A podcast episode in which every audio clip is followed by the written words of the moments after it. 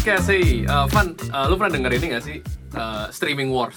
Streaming wars apa tuh kayak Netflix Iya kurang Disney lebih. Plus Iya kan kan Amazon. be- beberapa uh, like belakangan itu gue sering banget denger banyak banget kayak banyak banget lah streaming services yang Hmm. mulai merajalela lah kayak Disney Plus, abis itu HBO Go ya setahu Iya, gue yang baru ya. Dan Hulu. Netflix, Iya. Hulu dan lain-lain itu kan yang gue amazed adalah tuh mereka bener-bener each have each are very different dari sisi business model dan juga dari Hmm. konten-konten yang mereka sediain sampai karena tuh gue mikir kayak hey di, they, they provide really great movies why should I even go to the cinema to Right. watch like great movies I, I I can just subscribe to one of them and then I can uh, watch uh, great quality movies on my own gitu kan tapi sebenarnya Van ini uh, streaming wars ini kan yang kita sering dengar tuh dari dari Amerika lah Yeah. yang kayak nama-nama besar tadi kan Hmm. tapi sebenarnya kalau kita ngeliat di region kita nih Southeast Asia itu juga sebenarnya udah mulai banyak banget nih main kayak gini kan. Yeah. kayak misalkan uh, ada iFlix ada Hook sama mungkin dari, dari Indonesia sendiri GoPlay, gitu GoPlay, misalkan.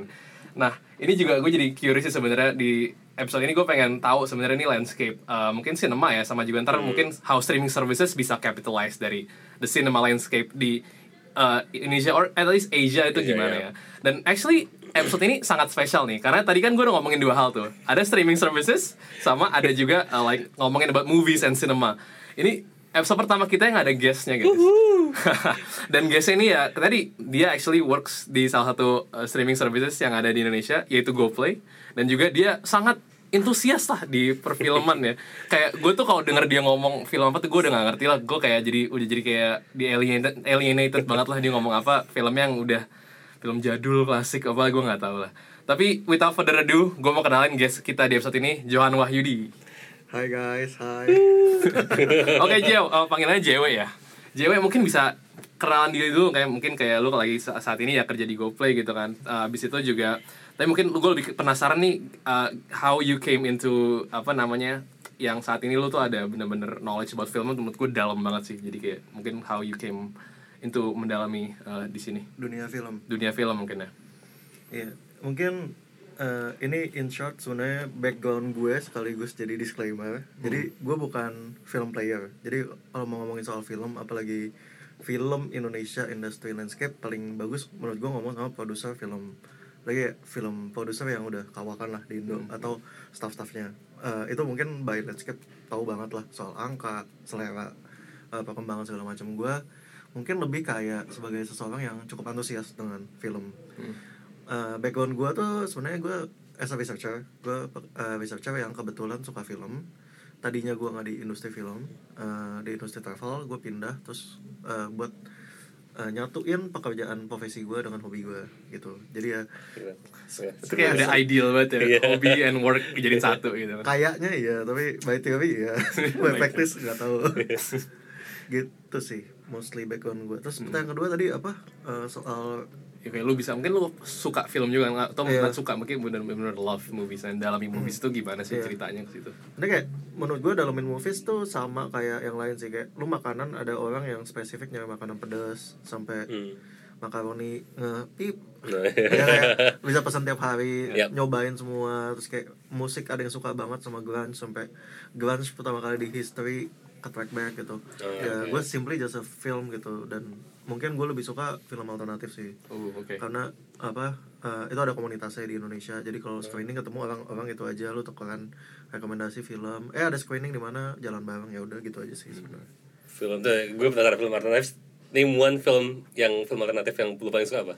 Gue paling suka film pendeknya Edwin. Edwin. Eh, Edwin yang bikin Possessive dan Aruna Ah. itu judulnya Trip to the Wound itu eh, starringnya Lade Cheryl right. Eh, lu bisa nonton actually di Fitzy menurut gue Fitzy legal sih. Should be. Itu itu film pendek dan menurut gue itu memorable banget. Oke Oke, Cool. JW, thank you for the introduction. Nah, ini kan tadi uh, kalian mungkin dengar dari tadi yang terakhir tuh dia JW name his favorite alternative film itu gua nggak tahu sama sekali itu apaan. Tapi Ivan itu dia sempet tahu tuh kayak oh produser ini ya gue tahu. Iya. Tapi jadi ceritanya guys ini tuh gua gue emang agak cukup buta tentang film apalagi film yang mungkin nggak mainstream ya. Sorry buat gue normie guys. Jadi uh, tapi emang sebelumnya sebelum ini tuh emang gue denger Ivan sama JW ngomong tentang movies tuh bisa kayak bisa berjam-jam kali yang film-film gue nggak pernah denger sama sekali jadi emang di episode ini gue akan lebih jadi moderator akan lebih ibaratnya jadi orang awam lah gue nggak tahu tentang movies sama tentang streaming services dan JW sama Ivan mungkin akan lebih back to back ngomong about the movies jadi gue akan keep the topic going and then you guys can like uh, talk about anything basically. Nah, jadi ini ngomong pertama nih gue pengen tahu dulu nih sebenarnya di tadi gue sempat ngomong cinemas, right? Di Indonesia sendiri nih gimana sih Jeo atau Ivan mungkin yang kalian tahu nih uh, cinema landscape? Eh, sebenarnya kalau gue lihat ya em, lucu sih kayak sekarang gue lihat film-film Indonesia tuh semakin improving quality lah gitu kan. Em, gue juga sempat sempat lihat em, ada survei yang dilakukan dari pusat pengembangan film Kemendikbud gitu kan ya. Eh, sebenarnya jumlah penonton year on year dari 2016 hingga 2018 itu selalu increasing gitu kan. Gak cuman film asing tapi ternyata film lokal pun juga semakin banyak penontonnya gitu nah, artinya semakin antusias nah gue penasaran sih kayak kayak gitu tuh lebih lebih emang apakah dari sosialnya yang orang mampu beli tiket film atau malah film-filmnya aja makin bagus gitu jadi lo ngeliat tren itu gak sih sebenarnya Hmm, itu ngomong ke kausalitas ya. maksudnya Kayak penyebabnya. Sebenarnya uh, to be honest gue nggak bisa tahu ya Hmm. kenapa. Cuma kayak emang jumlah uh, bioskop yang bu- dibuka uh, makin tahun kan makin banyak. Makin- Terus makin ke ah, daerah-daerah oke. yang makin kecil. Yap. Yang mungkin kita emang konsentrasinya Jakarta ya bioskopnya segitu aja sesuai dengan Iya, jumlah mall. mall, iya. Ya. Tapi minimal kan di daerah lain yang belum dapat ya. akses. I see, yang, oke. yang kayak bapak tahun lalu mungkin masih mengandalkan layar tancap gitu. Uh, atau DVD gitu sekarang udah punya akses bioskop gitu jadi mungkin itu pengaruh mungkin jumlah penduduknya naik mungkin Right. daya belinya naik gue nggak tahu ya ya ya lebih gue nggak tahu cuma yang mungkin butuh diapresiasi itu sebenarnya eh, t- eh, kalau gue boleh koreksi dikit yap, jadi yap. sebenarnya itu one survey itu da- adalah data sale penjualan tiket Betul tiket eh, per bioskop di rekapnya gue nggak tahu sebenarnya rekapnya sedetail apa Mhm. eh, sedigitalisasi apa tapi actually itu su- suatu effort yang butuh banget diappreciate I see, karena oke. eh, semua kan dimulai dari data kita nggak tahu naik atau turun kalau nggak ada data jadi Yap. kayak Pusbang Film udah ngelakuin itu it's really good move soal Hmm. Penjelasannya kenapa itu eh, masih menurut gue masih sangat tanda tanya besar kenapa sih. digitalisasi baru di real, pentingnya sekarang gitu ya Iya, pentingnya. iya. tapi kayaknya gue juga lihat di Instagramnya kayak kalau film-film baru mereka tuh selalu pamer kayak oh ada sejuta penonton di Iya. minggu pertama gitu-gitu kan selalu ngepost kayak terima kasih atas penontonnya dan maksud gue kayak itu gue ngeliat itu jadi kayak semakin apa ya gue FOMO sih sebenarnya ngeliat itu iya. anjing makin banyak orang yang nonton nih gitu kan oh ternyata jangan-jangan filmnya bagus gitu Iya. jadi kayak malah dari situ menurut gue itu yang lebih ngedrive gue untuk datang ke bioskop dan nonton film itu. Gitu sih. Iya. jadi kayak tapi ya kalau kayak gitu nah apakah itu jadi sik- siklus yang baik untuk perfilman Indonesia aja menurut lo? Kayak makin apa maknya mak film makin bagus makin banyak nonton dan artinya orang-orang investor atau yang ini ngelihat ternyata marketnya gede juga loh. Apakah itu makin ngebuka market film Indonesia sekarang Eh, itu selalu possible sih dan sebenarnya mungkin pendapat gue ya Hmm. sebagai researcher juga gue percaya sebenarnya ketika semua ada datanya itu jauh lebih baik gitu Right. sampai sekarang kan sebenarnya transparansi data yang kayak tadi lo Hmm. bilang setiap produser bisa nge-show ada berapa ada berapa kita bisa track juga mereka beneran atau enggak dengan even kayak akun Twitter kayak bicara box office Iya, sekarang iya, udah punya uh-huh. aplikasi sendiri gitu Yap, yap. Eh, mereka eh, bisa ngerilis eh, apa bisa jadi referensi gitu kalau Hmm.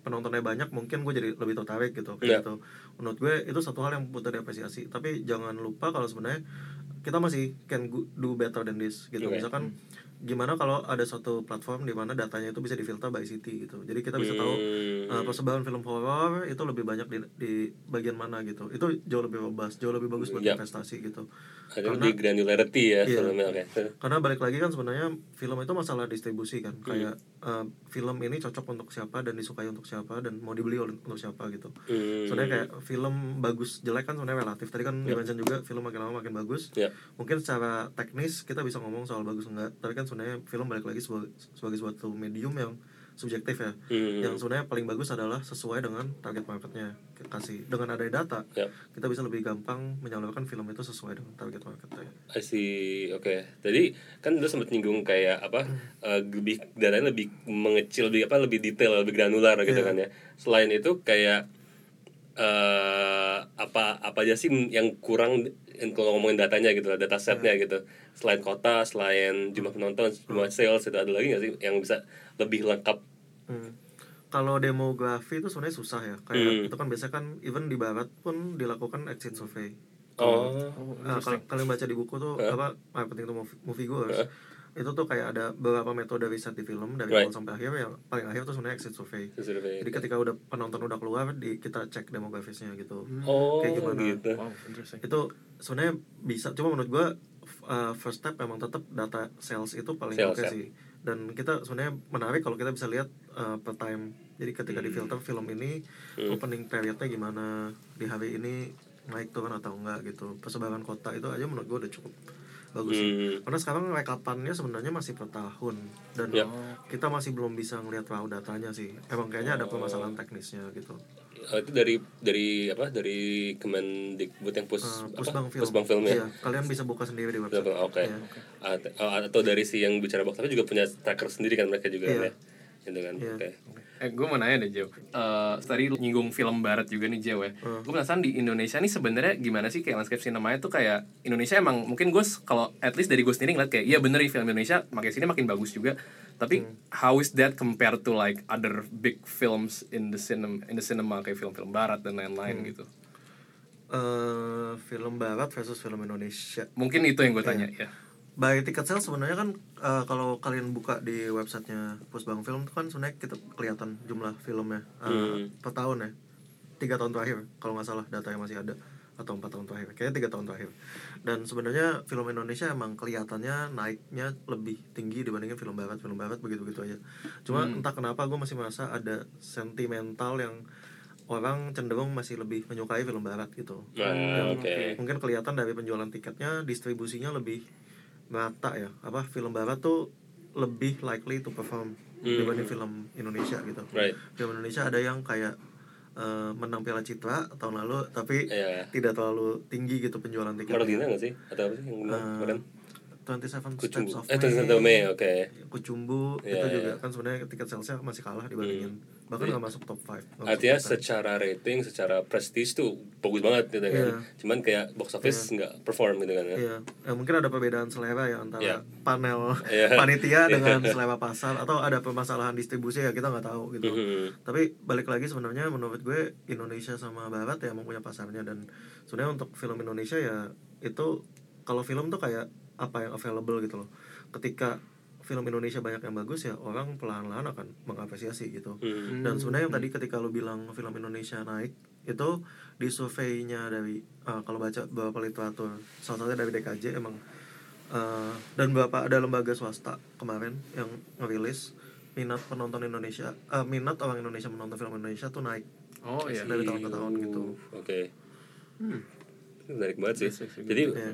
kayak memang eh ya artinya baik lagi itu emang dari minat tapi juga bisa di drive sama faktor lain tapi Hmm. in general sense itu emang semua orang jadi ya nonton berbondong-bondong kayak besok juga kan ya. Hmm. Terus kayak gue kalau gue lihat ngomongin tadi yang kayak di past three years yang baru datanya baru dijelas itu kan ya. Gue lagi lihat juga nih jauh em, jumlah penonton yang terbanyak. Tapi lucu sih kalau gue lihat ya Indo Indonesia tuh paling bagusnya itu tiga kayak horor kayak pocong-pocongan kuntilanak gitu-gitu kan ya. Horor gitu komedi kayak eh, ya komedi kayak Warkop. Arisan, Warkop, Iya. CTS gitu kan, cek toko sebelah gitu-gitu kan, sama romcom ya kan yang ADC, um, Eiffel, Dylan gitu-gitu kan, dan itu memang uh, reflect di datanya juga gitu kan, kalau lo lihat jumlah penonton uh, top 6 lah, itu isinya uh, komedi, drama, drama, drama, terus biopic, I guess, Habibie Ainun, ya kan, apa itu terakhir Pengabdi Setan, ya kan, nah um, sebenarnya gue penasaran sih apakah Indonesian film sebatas itu aja apa sebenarnya apa ya kayak kenapa kita terkekang di tiga genre itu menurut lo gimana? Ya. Eh, baik lagi kan sebenarnya film dan sinema kan distribusi ya. Iya. Kayak mungkin istilahnya mass market kayak eh, Eh, susu apa sih yang paling bisa dinikmati semua orang gitu. Ya. Yang kan kalau ngomong film kan juga sebenarnya ada masalah apa referensi, literasi ya. gitu kayak mungkin Habibie Ainun dan apa apa apa kayak Dilan itu kan dari beberapa intellectual property sebelumnya Laskar Pelangi dulu kayak iya. orang udah baca novelnya udah bisa dimengerti sehingga lebih mudah untuk loncat ke film gitu. Ah, Tapi Pengabdi oke. Setan kan bukan dari Ya intellectual property kan. dari sebenarnya dari nostalgia kan itu film lama kan sebenarnya kan, uh, remake gitu Iya, kan. Cuma kayak bapak sih yang nonton Iya. ke situ karena Iya. karena nonton film sebelum film sebelumnya gitu. Artinya dari apa ya, ya preferensi terus dari kayak ya mereka tuh udah aware tentang genre itu atau enggak atau gitu Iya. kan ya. Dan itu kayaknya data pun juga bisa ngedrive apa ya orang nonton itu kan. Jadi kalau misalkan gue bilang oh ternyata di Bali itu orang-orang suka horor gitu kan. Iya, Jadi sebenarnya filmmaker bisa kayak lebih beratin di sinema Bal- di sinema sinema di Bali yang Iya. oh horor-horor gue banyak kan di situ aja dibanding gitu kan. Gitu kan. It's actually interesting karena kan uh, kalau gue nangkep dari lo mungkin tadi tiga ho- tiga kategori ini paling prevalent dan mungkin tadi lo bilang karena ini mass market uh, strategi. Jadi ini gue jadi mikir apakah ini, ini memungkinkan orang yang bikin film jadi ini gak sih jadi uh, hinder mereka untuk nyoba experiment with a new genre yang mungkin Hmm, nggak yang other than these three gitu loh. Oke. Artinya mereka targetin yang lowest hanging fruit aja gitu Iya. kan ya, untuk dam- Tapi kalau misalkan Iya. tadi lu bilang ada data tadi oh Bali suka horror atau uh, another genre yang mungkin nggak terlalu laku gitu atau nggak ya laku kutip ya. Bisa jadi kayak kita makin ngelihat lebih Nah, banyak inovasi. ini interesting banget sih menurut gue. Jadi eh, mungkin sulitnya riset film adalah kan sebenarnya beda sama riset produk. Riset produk adalah lo define apa yang dibutuhkan oleh jobs lebih dan yang dibutuhkan oleh konsumen, calon konsumen. Terus lo bisa membuat semacam pabrik atau standarisasi untuk memberikan produk yang setipe yang dibutuhkan. Meanwhile, film tuh nggak bisa kayak gitu. Hmm. Meanwhile kan lo nggak bisa, oh selera pasar kayak gini, gue bikin film yang sesuai, Hmm. akhirnya jadi film yang sama gitu loh dan Ah, oke. orang tidak tertarik nontonnya Iya. karena balik lagi film tuh kan apa drivernya bukan dari kebutuhan menurut gue Mhm. itu kan dari visi pembuat Mhm. film gitu dari interpretasi dia gitu dari hasil kerja kru jadi kayak banyak banget sebenarnya elemen-elemen subjektif yang akhirnya masuk ke situ Hmm. jadi agak susah untuk sebenarnya eh kita bikin film yang sesuai selera pasar mungkin ada beberapa pa- pakem-pakem misalkan kayak story plotnya itu harus sesuai struktur Hmm. tradisional sehingga mudah dimengerti Ya. A- alurnya jangan loncat maju Ya. mundur Hmm. karakternya jangan terlalu banyak itu mungkin ada cuma balik lagi emang sebenarnya ngomongin genre itu mungkin lebih pas ngomongin limitasi ya kayak Hmm. misalkan kenapa sih Indonesia science fictionnya masih dikit gitu Ah, iya iya Iya. benar-benar. kalau dilihat mungkin tiga tahun 4 tahun ke belakang yang science fiction yang cukup gue inget itu judulnya Tengkorak dibikin Yusun Fuadi itu Eh, kesulitan ya sebenarnya science fiction kan kita nggak punya banyak visual artis ya nggak kayak see. ya dan mahal ya, gitu ya, lo mau ya. bikin ledakan segala macem kota hancur green screen apa segala macam itu kan Iya. mahal jadi mungkin ada limitasi budget dan Hmm. kalau dibaca kalau kalian suka baca follow Twitter Joko Anwar Hmm. juga sebenarnya ada talent kita juga terbatas gitu di Indonesia gitu Oh, jadi oke. mungkin ja- kenapa genrenya homogen Hmm. mungkin bisa dari pasar bisa jadi dari supply juga Supply sih. gitu Kenapa kayak ya, Reza Rahadian lagi, Reza Rahadian lagi gitu ya. ya, tapi itu biasa gue suka sih Reza ya gue juga suka sih tapi kayak banyak aja sering aja gitu Iya. kan tapi itu itu itu itu an interesting take ya artinya Iya. nggak emang nggak selain selera mungkin selera bisa dimainin tapi sebenarnya apakah dari supply side-nya atau dari ini ya kan Iya, mungkin nggak juga. nggak nggak ada kurang gitu kan iya. nah sebenarnya ini lanjut lagi yang gue penasaran sih. Jadi oke dari kan kita tahu kayak um, minat movie going uh, orang Indonesia itu kan udah makin meningkat gitu kan. Tapi sebenarnya ada nggak sih Jo kalau misalkan di bioskop atau mungkin di uh, platform lo gitu kan ya itu gimana sih caranya biar uh, film-film Indonesia tuh dilihat di, uh, orang eh, oleh orang Indonesia gitu? Ada nggak sih caranya kayak you know gue pernah dengar kayak something apa windowing or something gitu lo tau nggak sih gue bukan industry expert ya cuma Nah. ini as far as I know tuh ada yap. emang ada term namanya windowing Hmm. windowing itu tuh kayak sebenarnya penjarakan dari satu yang gue tangkap ya Hmm. film dari satu medium ke medium lain yang Oke. biasanya medium pertamanya itu adalah uh, di rilis di bioskop oke jadi ketika abis rilis di bioskop zaman zaman dulu mungkin yang paling uh, bisa diingat tuh abis dari bioskop DVD-nya keluar kapan Ah, oke dari uh, uh, jadi kayak windowing adalah periode di mana dia selesai dari Hmm. bioskop sampai akhirnya pindah ke medium lain yaitu adalah DVD Hmm, gitu. oke. bisa satu tahun bisa dua Hmm. tahun atau setelah DVD terus abis itu ada windowing lagi baru masuk ke OTT gitu bisa OTT jadi apa? Jadi over the top sorry streaming platform oh streaming platform Streaming oke kayak uh, windowing itu sengaja dibuat uh, sebenarnya uh, untuk melindungi apa distribusi filmnya jadi lo membuat sedikit kelangkaan lo bayangin ketika film di bioskop main terus kayak lo bisa mikir ah nanti juga paling ada Ada uh, lagi. ada DVD-nya ah, Heeh. paling nanti ada ada di Ah. streaming Hmm. jadi kayak lu bikin nggak ada urgensi gitu loh nggak ada call to action buat nonton film itu sekarang see, gitu oke Minimal bioskop kan sebenarnya tempatnya terbatas, Ya. yang ngantri banyak. Lo lo harus windowing itu menyelamatkan itu gitu loh. Hmm, tapi artinya itu lebih buat bioskop apa lebih apa tapi mungkin juga bisa buat DVD juga atau OTT juga kayak limited time di Netflix atau limited time di GoPlay gitu. habis itu hilang gitu I- itu mungkin lebih ke screen time ya istilahnya Screen time, kayak hmm. dia berapa lama di bioskop berapa lama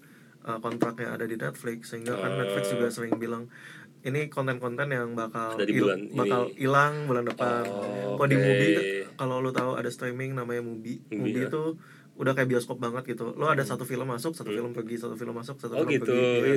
kayak gitu jadi kayak sebenarnya itu mungkin uh, lebih tepat Hmm. screen time ya kalau windowing itu ketika dia nggak ada berapa lama lagi sampai itu ada di distribusi secara legal. Sih ah, gitu. I jadi selama that windowing period orang yang benar-benar nyari film itu akan menanti nanti sehingga Hmm. ketika dia distribusinya keluar film tertentu dia akan tertarik nonton gitu.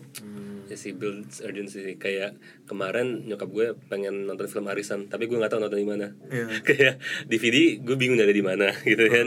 Kayak di streaming arisan juga gue nggak tahu nyari di mana kan Tapi gitu yang gue ngerasa tentang local films in general sih Jeo Kadang tuh gue sesabat kayak Gue gak pengen, nggak ya gue gak pengen nonton di bioskop Tapi itu gue nyari nunggu ada di Sorry banget nih kayak di streaming yang gratisan gitu Kok gak keluar-keluar gitu.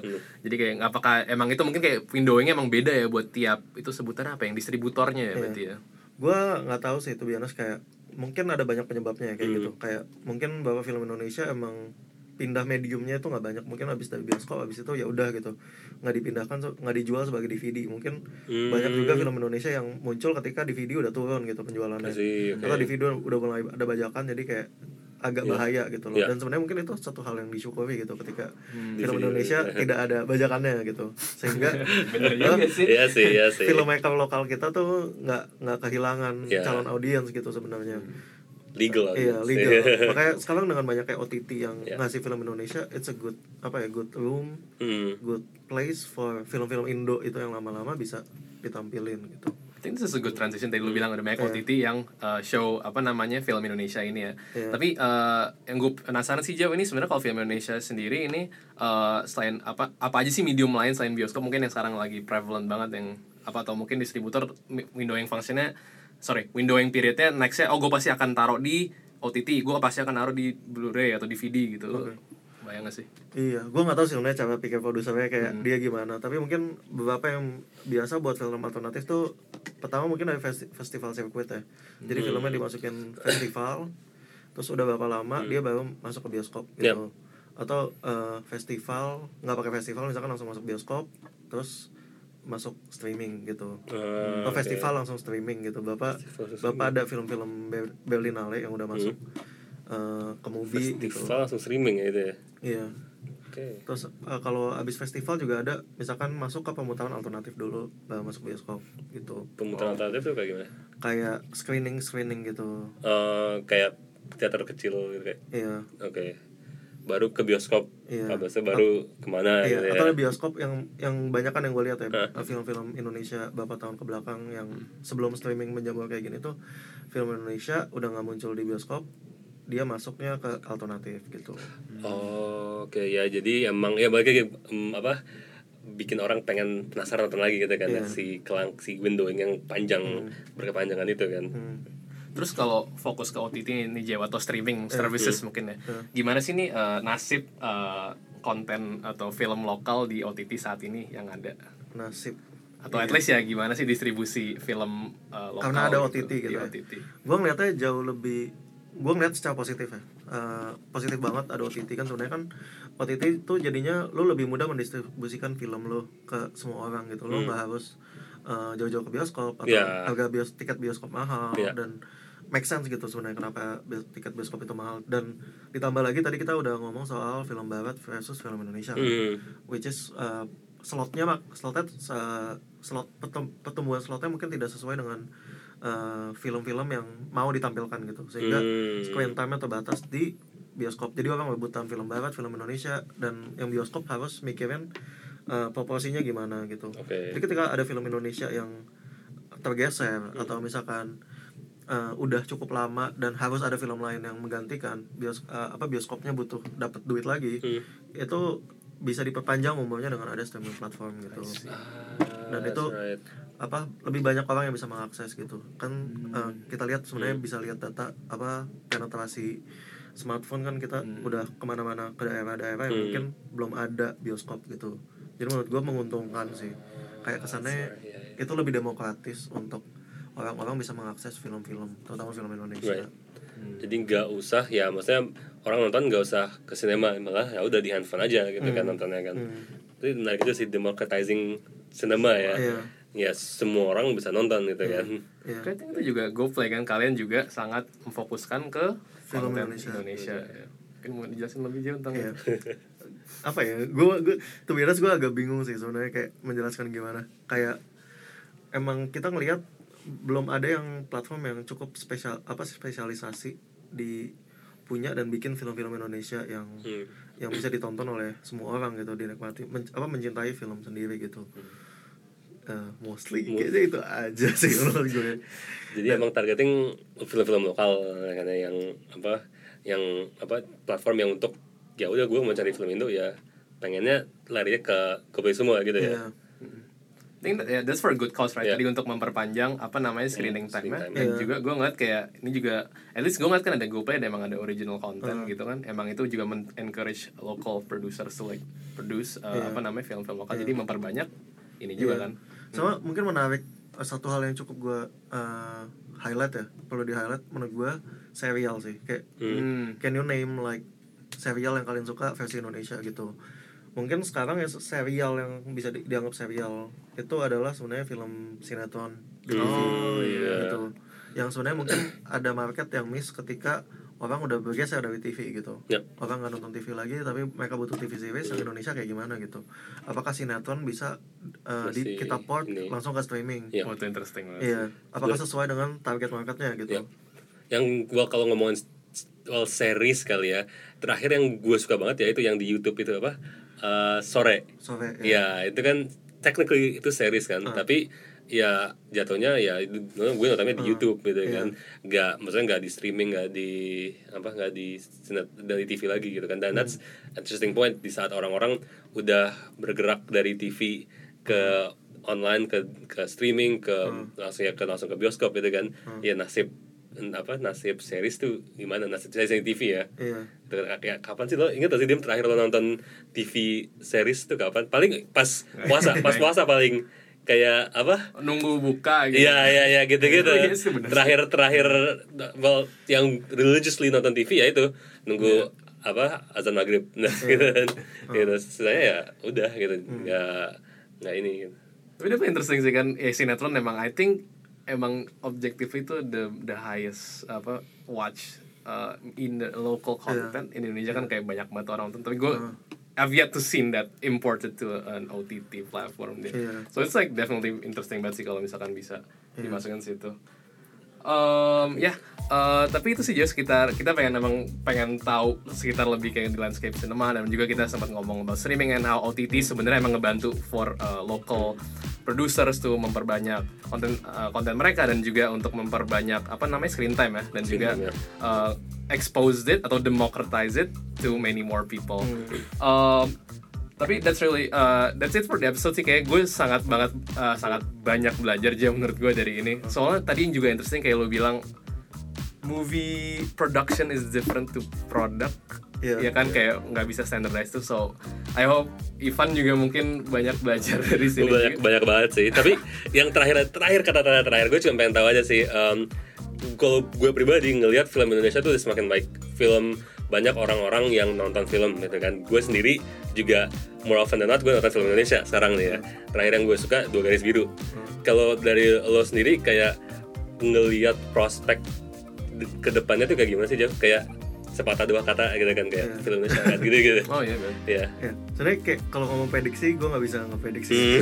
gue tidak atau expert, cuma gue ngelihat sebenarnya apa secara subjektif ya gue ngelihat Hmm. cukup eh, bagus. Maksudnya kayak mungkin selera pasar dan apa Hmm. tim apa apa yang diproduksi oleh tim ini lagi lagi harmonis gitu. Hati, dalam satu jalur, jalur yang lurus dan itu kayak momentum biar ke depannya bisa lebih banyak lagi dan eh, apa lebih banyak lagi film yang bisa kita nikmati gitu sebagai penonton. Dan sebagai penonton kita bisa ngapain sebenarnya? Balik lagi tadi soal apa eh, film dan distribusi ya kita hargai dengan jalur-jalur legal gitu Right. ketika ada di bioskop eh, kita support dengan nonton as soon as possible biar Hmm. film itu tidak tergeser film lain gitu Right. Hmm. ya mungkin prioritasin film Indonesia dibanding film barat mungkin Hmm. kalau kalian mau support hanya film Indonesia gitu ya sebenarnya balik lagi ke kalian sih. cuma yang paling paling itu ya nonton tontonan secara legal Nonton secara legal ya. Iya. Dan tadi satu lagi terakhir um, dan dari lo juga di awal kan lo bilang sebisa mungkin datanya sedetail mungkin ya biar tak eh, maksudnya ini juga bermanfaat mungkin buat lo sebagai yang kerja di apa apa on demand on demand streaming atau enggak mungkin buat yang bikin film untuk tahu niche market pocketsnya di mana aja di Indonesia gitu kan ya Oke, tadi udah bahas uh, sekitar uh, landscape cinema di Indonesia. Tapi ini gue ngerasa agak clickbait nih. Soal tadi di intro gue entusias banget ngomongin tentang streaming wars dan gimana di Amerika itu lagi hot banget. Ada HBO Go, ada Hulu dan whatever. Tapi nggak sempat dibahas di sini guys. Soalnya ini kita udah sampai 30 menit dan kayak gue nggak pengen ngambil waktu lebih lama dari waktu lu sih yang sangat precious. Jadi lebih baik sih gue ngerasa kita lanjut ini ngomongin streaming wars fokus di episode selanjutnya yang JW juga of course akan join. Dan itu kita akan dapatkan insight dari dia di mana mungkin dia juga sering ngelakuin competitive analysis mungkin dari other players. Jadi akan ada insight di situ juga guys. Oke so itu aja episode yang uh, di sini. Uh, terima kasih untuk mendengarkan see you